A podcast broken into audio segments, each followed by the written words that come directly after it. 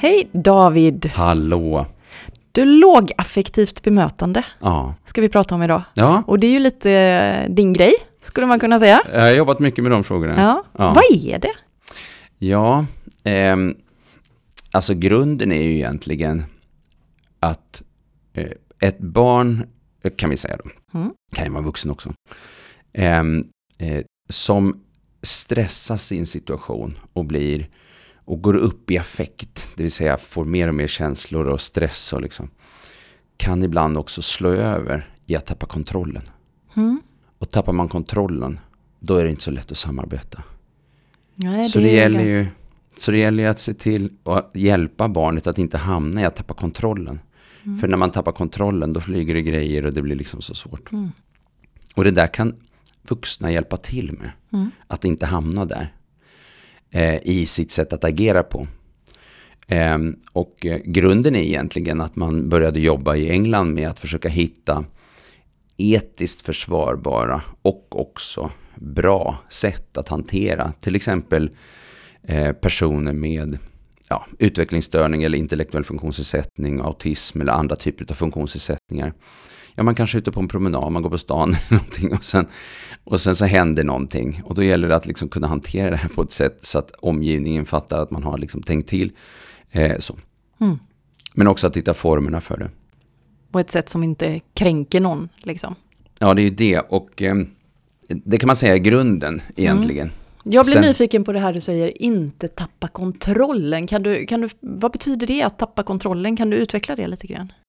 Jo, men vi människor är ju, håller ju ihop egentligen eh, i, i stort, alltså i, i vardagen. Eh, vi kan bli väldigt, väldigt upprörda och arga, men det kanske inte flyger en grej eh, liksom, som går sönder i väggen. Mm. Men när man tappar kontrollen, det är ju ett utbrott till exempel. Mm. Ehm, att eh, det blir så pass mycket stress så att man så att barnet, vi tar barnet nu, så, eh, det kan vara en ungdom också, men vuxen, men ehm, att barnet inte längre kan hålla ihop, Mm. utan far ut, skriker, gråter, kastar saker, eh, säger massa fula ord kan det vara, river sönder, eh, springer iväg, är då en strategi ofta för att eh, samla ihop sig. Mm, för att återfå kontrollen. Ja, Ja. Men visst är det så att man kan, jag har hört talas om den här modellen när man pratar om att hjärnan kokar över och att det är liksom olika delar av hjärnan som är inblandade när, när hjärnan är synkroniserad så har vi de logiska funktionerna framme i prefrontala cortex, eller Mm. hur? ja Och sen- typ i pannan. Precis. Och sen när, som man då säger ibland, hjärnan kokar över så Mm. är det som att eh, det limbiska systemet och hjärnstammen helt tar över. Har, jag- har jag fattat rätt då? Ja, alltså i, eh, så är det ju i, i, i viss mån, men hela hjärnan är ju ett otroligt komplext nervsystem eh, som, som interagerar med varandra. Men vi har ju huvudcentra för olika saker och mycket av de där eh, stresssystem och, och känslosystem och, och även alla de här systemen som reglerar eh, eh, eh, mat och vakenhet och sömn och, och, och alla de här de ligger ju i liksom den nedre, nedre delen av hjärnan och i den övre delen av hjärnan. Eh, där har vi mer liksom det här kunskap och styrning och alltihopa. Och, och, och just det här med de exekutiva funktionerna, alltså styrningsfunktioner. De är ju inte klara förrän efter 25 års ålder. Någonstans mellan 25 och 30. Jag såg faktiskt en siffra häromdagen på 28 år. Men det är väl något snitt. Men det är ju eh, då så att när man tappar kontrollen, när, när liksom hjärnan kokar över, det är väl då vi har väldigt mycket aktivitet i den nedre delen av hjärnan helt Mm. enkelt. Och då, eftersom mycket av lärandet är liksom i de övre delarna, eh, så kan vi säga att eh, det är lite som en sån här eh, gungbräda. Liksom. Att är det mycket fart i det ena, då är det väldigt lite aktivitet i det andra och, och Mm. tvärtom. Just det. Och, och det är också intressant, för när vi ska till ett, få till ett lärande, Mm.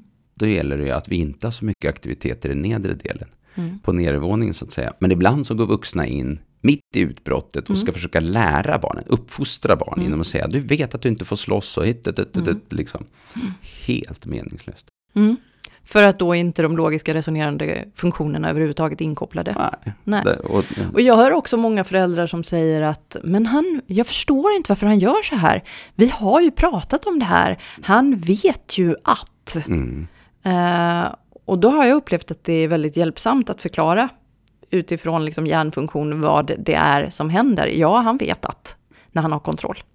Men när han inte har kontroll så spelar det ingen roll vad han vet, för att allt det åker ut genom fönstret då. Alltså det är jättespännande. Jag har, jag har gjort, ehm, eh, jag har jättemycket föreläsningar. Mm. Och eh, då har jag bett vuxna personer berätta vad de hade för eh, eh, känningar i kroppen när de blev stressad Mm. senast eller någon gång eh, den här, liksom, när det blev riktigt jobbigt. Ehm, och sedan också berätta vad de gjorde för handlingar i anslutning till den upplevelsen. Och det intressanta är att den listan skiljer sig inte jättemycket åt från vad vi kan tycka att barn gör. I och för sig finns det vissa skillnader. Ehm, Mm. Vad men- är det som hamnar på den listan då? Berätta. Ja, men det är ju allting. Alltså, dels om vi tar hela det här liksom känslomässiga, emotionella, du vet, liksom, allt det här vanliga med liksom nervsystemet och så. Eh, hjärtat går igång, eh, liksom, vi kan börja svettas, vi kan vi liksom, eh, känna den här stressen, vi kan bli frustrerade, vi får tunnelseende, en del kan beskriva att de får huvudvärk, magont, massa olika kroppsliga symptom. Liksom, alltså det, är- det är hur många saker som helst som folk har radat upp. Och sen när vi tittar på handlingarna så kan det vara folk som säger, ja helt ärligt liksom att eh, ja, de blev jättearga på den personen, kanske slog näven i bordet, eh, eh, bara gick iväg utan att säga någonting, eh, eh blev liksom, eh, alltså, liksom fick så här massa liksom ilska i kroppen som, som bara liksom gick ut över någon sak eller någon människa. Eller liksom. Och sen finns det ju saker som vi inte alltid ser barn göra, eller de beskriver det inte på samma sätt. Gå ut och promenera, då kan ju barn kanske springa ut liksom, istället. Men, men till exempel sådana saker som barn aldrig gör när de blir stressade är ju typ dammsuga. Städa ett skåp. Liksom. Göra rent diskbänken Ja, gör jag. sånt. Ja, men precis. Ja, nej, det skulle man ju önska att barnen gjorde när de Nej, tappar det- kontrollen. Så det är helt rent när man kommer ja, hem. Mm. just. Nej, alltså, så, så det, det är väldigt spännande. Och då tänker vi så här att barn är helt annorlunda än vuxna. Nej. Barn är absolut annorlunda. Barn tar till exempel sällan ett glas vin när de blir frustrerade. Det kan ju vuxna göra. Men, men, eh, men det finns mycket, mycket, alltså det mesta skulle jag säga är ganska lika. Eh, och då förvånas man över liksom, det här med i stress, hur man gör. Eh, Men det som jag tänker som är en, en riktigt så här, tricky del för, för många eh, vuxna föräldrar eller, eller också personal. Det är ju det här att eh, man inte riktigt förstår varför det blev så stort. Eller ibland till och med vad det är som gör att någonting blir på ett visst sätt. Alltså att det blir... Eh, och eh, det här med liksom orsaken till det. Just det. Att Och det är inte bara det att de inte... Alltså jag skulle önska att föräldrar var mer nyfikna på det. Ja. Eh, jag förstår inte, skulle jag önska att föräldrarna sa, istället för, men det där var ju inget stort. Mm. Eh, för att det var ju, uppenbarligen var det ju stort. Ja, för barnet, För var det ju barnet. någonting Ja. som var riktigt. eh, Och, och det kan ju vara allt möjligt som triggar Ja, eh, en person eller ett barn då till att hamna i ett läge där han eller hon liksom eh, blir mer och mer frustrerad. precis. Och ibland är det ju inte den sista grejen. Det tror ju vi vuxna ofta. Det där var ju ingenting och bli så ledsen över att du snubblade på, på tröskeln. Mm. Men det var kanske bara den sista händelsen i en jättelång kedja som vi inte har sett. Den där berömda droppen som fick bägaren att rinna över. Precis, den Ja. liknelsen är ju väldigt bra. Ja. Och då måste man ibland också fundera på vad är det som fyller bägaren? Mm. Ehm, och och, eh, och liksom tänka till kring det. Och klassiska exempel är ju sånt här som liksom gå och handla med en fyraåring klockan 16.20 en torsdag eftermiddag eller liksom 18 och, liksom, eller någonting. Och barnet är hungrig, trött, har varit liksom det är det roligaste man kan göra. Nej, inte för någon. Jag tänker att det är lite intressant det där när många affärer har lagt ut här korgar med bananer till Ja. exempel. För att barnen ska kunna äta. Så. Alltså den här servicen som är. Man har liksom nappa, nappat tag i en, en viktig kunskap där liksom. Mm. Ibland behövs det energi. Ja. verkligen. Mm. Och där är det ju så att vi föräldrar ibland hamnar i, men varför blir du så här när vi hamnar i, i mataffären? Och egentligen är det kanske inte mataffären, utan det är det faktum att barnet varit på förskolan hela dagen innan Mm. och har lite tomt i magen som är problemet. Det är inte mataffären i sig, för går vi och handlar på lördag förmiddagen, alla är glada och goa, så är det inte mataffären som är problemet. Mm, Nej, Nej. alltså det är ju det, det, det och det här är ju det som är så intressant. Och just det här äh, att fundera över, finns det något annat? För det är någonting med det här, okej vi har kaos eh, på torsdag eftermiddag när vi ska gå och handla. Eh, ska vi tänka till, okej, skulle vi kunna göra på något annat sätt? Mm. Det här att göra en slags utvärdering. Och sen tänka att nej, men det går ju inte. Nu har vi haft det så här sju gånger liksom bara på den senaste månaden. Nu, nu får vi liksom tänka om. Eh, vad skulle vi kunna göra då? Vi utvärderar för att kunna förändra. Exakt. Så, och i stunden hanterar vi det på det sätt vi hanterar det. Och, och det kan ju vara på massa olika sätt. Med en treåring som liksom sätter sig ner och drar socka efter socka och är jätteupprörd och ligger och skriker framför kassalinjen liksom för att eh, han eller hon inte får den senaste någonting, godisen som var i en viss hylla så här på eftermiddagen. Alltså människor som går förbi det och ser det där barnet kan ju liksom fatta, ja okej, ja, ja, det där känner man ju igen liksom. Men i barnet nio år så blir det lite annorlunda. Ja. Eh, och det är också, det finns, den här åldersaspekten finns ju med också, för det som händer när folk känner skam, det är ju att de inte blir heller, så, för då blir stressade. Mm. Och då börjar de vuxna göra också saker Ja. som de inte skulle ha gjort om de var eftertänksamma. Precis, för skam är ju också någonting som knuffar oss uppåt på affektkurvan. Verkligen. Faktiskt. Så känner man tillräckligt mycket skam så är ju risken också stor att de liksom logiska resonerande funktionerna stänger ner. Precis så. Och det är ju inte ovanligt att ett barns affektutbrott följs av en förälders affektutbrott. Nej, men precis. Nej. Och eh, det är också det som är en av kärnorna i lågaffektivt bemötande. Varför heter det just lågaffektivt bemötande? Mm, berätta det. Mm. Jo, för att eh, just det här inte ska inträffa. Nämligen att eh, eh, föräldern eller den vuxne ska se till att han eller hon har låga affekter, det vill säga behåller sitt lugn. Mm. Det vill säga bemöter med lugn. Det är lågaffektivt bemötande. Mm. Bemöter med lugn. Och ett av skälen till det är eh, det som vi kallar affektsmitta. Mm. Vad är och, det? eh, Ja, affektsmitta handlar ju om att, eh, ja men om jag är väldigt glad och kommer in på, säg, säg att jag jobbar på en arbetsplats och kommer in och säger Hallå, tjena, läget, hade du bra helgen? Ja, härligt, kul. Då kan de andra liksom bli lite glada, men om jag går in och liksom säger, ja, är du här nu igen? Mm. Och så bara går jag till kaffeapparaten och ser lite sur ut liksom. Då påverkar det alla mina ko- kollegor. Då har ju de påverkats av mina affekter. Och eh, eh, på det sättet kan vi ju, vi, vi, vi sprider ju omkring oss våra affekter. Eh, och eh, eh, vi kan säga till ett barn, nej nu får du faktiskt ta och sluta med det där. Lägg av direkt har jag sagt. Så. Jag känner hur min puls stiger Ja. med en gång när du bara hör den rösten och såg ditt finger komma upp också. precis. Tack för den tydliga illustr- Ja. illustrationen av affektsmitta. Ja, det är ju verkligen så. Ja. Och, och poängen med det är ju att vi vill att barnet ska göra på ett annat sätt. Sluta med någonting och börja med någonting annat. Ehm, och eh, i och med att vi ser arga ut så ska barnet förstå allvaret. Men vi har ju också affektsmitta om vi, i andra sammanhang. Vi kan ju till exempel ta om vi ser en thriller så blir vi kallsvettiga. För mig räcker det med morden i Midsommar. liksom på den nivån. Ja. Och, ehm, ehm, eller om vi eh, gråter. Mm. Eller om vi går på en begravning, Mm. alla gråter liksom. För att, för att vi smittar varandra. Det är liksom poängen med gråterskan. ja. Att alla ska liksom hamna i ett läge där de inte liksom, de kommer inte undan. Nej. Och jag, jag har varit med om det en gång. Hur jag var på en begravning. Det var en, en kursare till mig från eh, Iran som eh, dog i leukemi. Eh, och eh, det kom två kvinnor, jag vet inte om den ena var syster, jag kommer inte riktigt ihåg relationsmässigt hur det var. Eh, och de grät högt och reciterade dikter på persiska. Så här. Så jag, har, jag har, alltså ingen kunde hålla borta tårarna. Mm. Och i ett sånt läge när man inte är jättenära och sådär så är det många som ändå tar stundens allvar och liksom, men inte gråter och Nej. särskilt män. Men no way kan jag säga. Nej.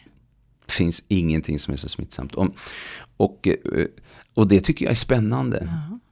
Är det som att vissa människor är mer öppna för, är mottagliga för effektsmitta än andra? Eh, ja, så är det ju förstås. Mm. Eh, eh, det, det är nog eh, precis som med det mesta, att det är normalfördelat. Så att Mm. eh, vi har en stor klump i mitten och vissa är jättekänsliga och de andra är jätteokänsliga. Och också som att barn är mer känsliga än äldre i Ja, alltså genomsnitt? det är ju jättetydligt på små barn, alltså om du har eh, små barn, alltså de som går de första åren i förskolan, alltså den åldern, mm. ett och tvååringar liksom. Någon börjar grina, eller är det barnvagnen, två barnvagnar bredvid varandra mm. med, med småttingar. Så börjar den ena grina, då börjar den andra grina också. Alltså det är ju jättetydligt. Mm. Men sen vid någon tidpunkt där när de kommer lite högre upp, tre, fyra, fem ibland, lite beroende på vilka de är, men liksom ofta där någonstans ganska tidigt. Då, då kan de liksom stå och titta på en annan och säga om Elsa ledsen. Liksom lite så. Mm. Men inte jag liksom, utan mm, bara precis. man är samlad liksom. Så att det är ju någonting som händer under, under uppväxten av det här med att liksom uh, kunna skilja ja, på ditt och skilja mitt. På, ja, skilja ut det ena från det andra. Ja. Och vi styr med våra affekter. Och mm. egentligen kan man, kan man nog säga så här, eh, varför syns det så mycket på oss i ansiktet vad vi liksom känner? Historiskt sett, och då menar ju en del som, som forskare som jobbar med, med liksom det här med hur har vi utvecklats till de vi är idag? Vad har varit viktigt? Alla människor bodde liksom på den afrikanska savannen. Det var ju ganska nyligen som vi utvandrade från Afrika. Eh, och eh, eh, där var vi inte högst på hierarkin, utan vi kunde bli uppätna, så vi måste samarbeta. Så samarbete har ju varit liksom centralt. Men då blir det ju så här att om något, om, om vi säger att det är lite skymning och gruppen människor är lite utspridd. Och sen så är det någon som hör något vilt djur och liksom stelnar till och liksom får ett ansiktsuttryck som är liksom fara och färde. Mm. Då kan ju den informationen sprida sig 10, 20, 30, 40, 50, kanske ännu längre meter bort till gruppen som plötsligt rör sig ihop och samlas. Därför att vi måste vara samlade om vi är under attack. Och på det sättet sprider vi information. Mm. Och på samma sätt är det om jag gråter till exempel så kan någon komma och trösta mig. Mm. Eller om jag säger till på skarpen så kan någon ändra sig. Eller om jag på ett annat sätt. Och den här typen av, det här med affektsmitta är ju så otroligt viktigt. För det påverkar hela tiden. Så när ett barn säger så här, jag är hungrig, jag vill ha... liksom framför kassalinjen. Och man säger, nej vi ska inte ha någon godis nu, det är onsdag, på lördag äter vi godis, kom här nu så går vi till kassan. liksom så. Eh, men jag vill ha... Då trappar man liksom upp det här. Nej, vi har pratat om det nu, vi ska gå hem nu, kom här nu så går vi. Kom, jag, tar, jag tar dig i handen så, nu går vi, kom här nu. Liksom, och man tror att man är tydlig. Ja. ja I själva verket så smitt, smittar man, man varandra med sin affekt. Och så möter man ju inte barnet då i känslan heller. Eh, eh, och liksom löser den känslan och då förvärras den mer och mer. Och sen tycker vi att det där ska ha liksom två, tre, fyraåringar en sak. Fem, sex, sju, åtta, nioåringar någonting annat. Då ska man ha kommit längre. Men vi har ju vissa barn som har jättesvårt för det. Ja, och vissa vuxna också om vi ska ja, vara ja, ja. Nej, men det här är ju jättespännande. Och, och eh, då har man sett att precis som eh, ilska kan smitta eller eh, att man är ledsen kan smitta, så kan också lugn smitta. Mm. Så för den som har svårt att hitta sitt eget lugn, så behöver vi vara lugna. För att när vi är lugna så dels blir vi mer klartänkta, men dels kan vårt lugn smitta barnet till lugn. Ja. Men, och, det som, och det är motsatsen till, nej kom här nu så går vi. Det är inte att vara lugn. Nej. Nej, utan eh, det är ju att vara i affekt. Mm. Och när man är i affekt så finns det en risk att man driver upp den andres affekt, det vill säga barnets affekt. Så jag kan tycka, så, men jag har ju sagt till, ja, men hur lät du mm. när du sa till? Det blir väldigt, väldigt avgörande. Och många tänker inte på det. Jag har ju sagt att, mm. liksom. Men de var jättearga. Och det var det som var budskapet. Så affekt och affektsmitta är väldigt centralt i, i lågaffektivt bemötande. Finns det några andra liksom, grundstenar?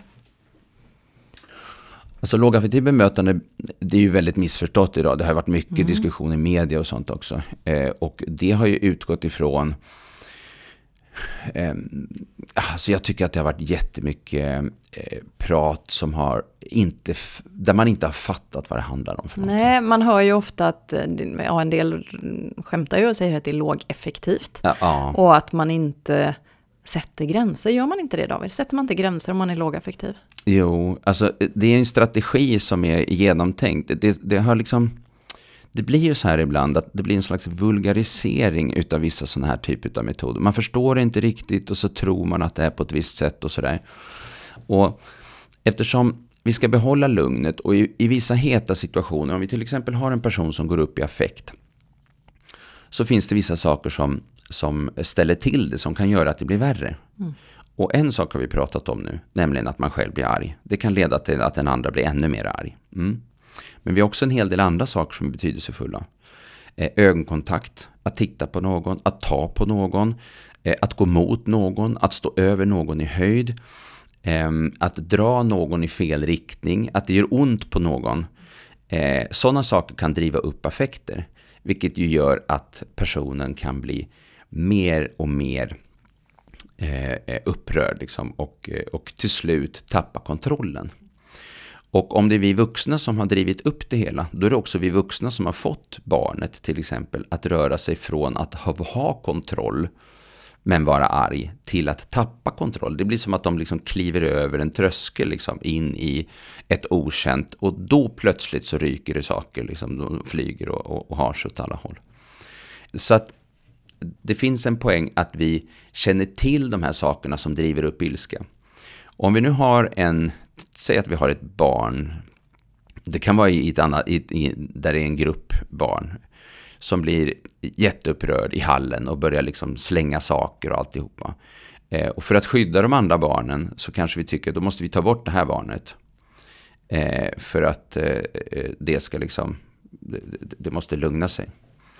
Då går man fram till barnet och så säger man, nej du kan inte komma här nu, nej inte, nej, inte kasta så att, och sen så blir det, och så, nej, nej nu går vi härifrån, kom här, nej kom här nu, så, ja, mm. och så tar vi tag i barnet. Och det betyder att vi står över barnet i höjd, vi tittar barnet i ögonen, vi tar i barnet, vi skapar motstånd. Och så tar vi tag i barnet. Och så säger vi så här, nu går vi härifrån, så, nu går, nej, inte, nej, hallå. Alltså. Och sen så kanske barnet får in en rejäl smäll på smalbenet. Och då blir vi superarga för att affekter drivs upp också av att någonting gör ont. Så då säger nej, så där kan vi inte göra. Nu får du faktiskt ta... Och vi kanske inte gör illa barnet i bemärkelsen att vi liksom håller hårt och barnet får blåmärken. Men vi flyttar barnet och vi är väldigt arga. Mm. Och så går vi in och så ska vi lugna barnet liksom, i ett annat rum. Och då blir barnet ännu mer förbannat. Så då kanske barnet blir så argt så att då kanske barnet slänger saker liksom för att då har barnet blivit fruktansvärt upprörd. Liksom på.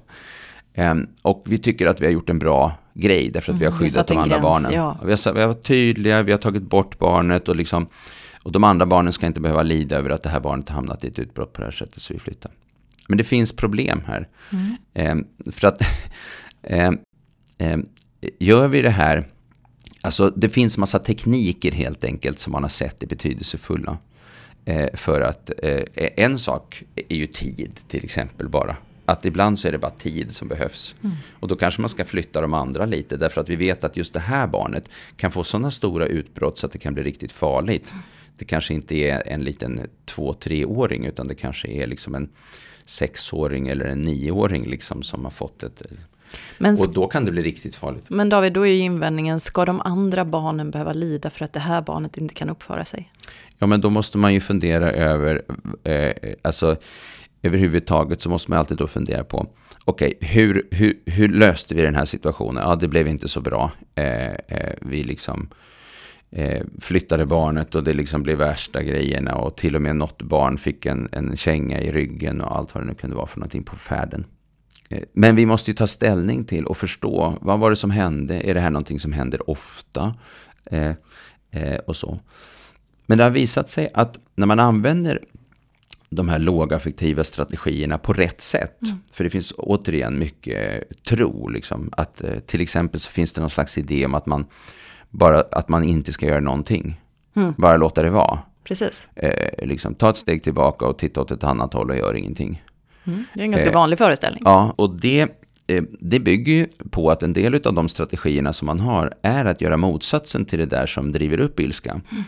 Eh, och det handlar ju om att ibland ta ett steg tillbaka och liksom vända huvudet och liksom inte göra någon grej av det. Men det förutsätter ju till exempel att det inte är två barn som står och slåss. Då kan mm. vi ju inte ta ett steg tillbaka och låta barnen slå på hur mycket Nej. de vill. Utan vi måste ju in och göra någonting åt det. Vi måste känna till en del av de här liksom strategierna. Till exempel så är det betydelsefullt att gå in och vara lugn när man separerar istället för att vara väldigt upprörd. Mm. Eh, och sådana saker. Men det, är ju, och det här är ju svåra saker som vi pratar om. Eh, eh, men frågan är om det är så att eh, de andra påverkas mer av att vi inte har ett systematiskt sätt att ta hand om den här typen Mm. av situation. Snarare än att man vid ett tillfälle gjorde Mm. på ett sätt som, som, Ja, som drabbade de För andra. det är väl just det som är grejen, tänker jag, att eh, med betoning på ett tillfälle. För om man tillämpar lågaffektivt bemötande så betyder det inte att man gör så här varje gång. Utan det betyder ju att efter situationen man kommit ur den med heden i behåll så utvärderar man varför blev det så här och så förändrar man situationen så att man inte börjar hamna i den igen. Eh, men jag tror att många uppfattar det som att ja, men ska vi flytta på de andra barnen varje gång som det här barnet hamnar i affekt. Men det är ju inte alls tanken, utan tanken är ju att vi ska hjälpa det andra barnet att inte hamna i affekt gång på gång, eller hur? Ja, och det som är intressant och det är därför som det fortfarande är många som liksom, eh, de som jobbar i verksamheter där det finns mycket våld och problem, de, de fattar att det är det här man måste jobba med för att, för att det finns inget annat alternativ, varken etiskt eller så. Eh, eh, och eh, hur man ska jobba med det på sikt. Eh, och då måste man ha den här systematiska utvärderingsmodellen, liksom, ja, eller vad man ska säga, för att eh, komma till rätta med det och förstå hur det här hänger ihop. Eh, så. Och jag tänker att det är ett ganska stort kliv. Många, både föräldrar och pedagoger upplever jag är i ett Ja, men man har ett ganska reaktivt förhållningssätt där det handlar mycket om vad ska jag som vuxen göra när det här händer. Ja, precis. Eh, men att jobba lågaffektivt det är ju att gå mot ett mer proaktivt förhållningssätt där man i en jobbig situation reagerar och sen så agerar man proaktivt i framtiden utifrån det. Så att fokus är ju på det proaktiva, inte på det reaktiva och att gång på gång stå där och vara lågaffektiv i situationen, utan det är ju att bygga om situationen, eller hur? Ja, verkligen till 100 procent. Och, och eh, eh, här ligger ju också en slags kunskap i botten som är betydelsefull. För man har plockat forskning från neuropsykologi, neuropsykiatri, alltså funktionskunskap och så. Eh, från affektforskning, stressforskning. Eh, en del från ett område som kallas positiv psykologi som, som, ja, som tittar lite grann på eh, hur, hur kan man få till mer positiva situationer? Hur kan man få det att funka eh, mer eh, liksom, ja, på ett bättre sätt. Hur som helst, eh, så det finns en bas i det där. Eh, en slags förståelse för att människor är olika. Och när vi jobbar med dem, alltså de, de som har det tuffast, eh, eh, och, alltså barn, ungdomar som har det tuffast, eh, som gång på gång krockar med vardagen. Där behöver vi ha något systematiskt sätt att arbeta på. Och vi måste hitta ingångar till det. I debatten har man ofta plockat upp liksom absurda exempel eller, eller liksom sådana saker som inte händer så ofta eller eh, vridit på det. Så här. Men, men eh, eh, i alla de här verksamheterna där man ständigt återkommer till att det finns en risk för våldsamma situationer, upptrappning och sånt. Då, då kommer man att måste ha ett arbetssätt som är som liksom eh, leder framåt. Mm. Som är proaktivt snarare är än reaktivt. Ja. Ja, det är ju det. Och, eh, och förstå sig på de här mekanismerna, vad som händer. Just det. Och alla föräldrar har sett sin egen affektsmitta på någon annan. Det finns ingen som inte har varit med om det. I princip alltså. Eh, därför att vi smittar hela tiden. Är vi lite sura så smittar vi, är vi lite glada. Vi kan säga så här, kom nu ska vi göra något jätteroligt. Och så ser vi ett barn som liksom, wow vad spännande, vad är det som händer nu? Då är det affektsmitta. Ja. Så vi har det precis hela tiden. Och jag tänker att det här kan vara lite intressant för föräldrar eh, och för andra vuxna som jobbar med barn.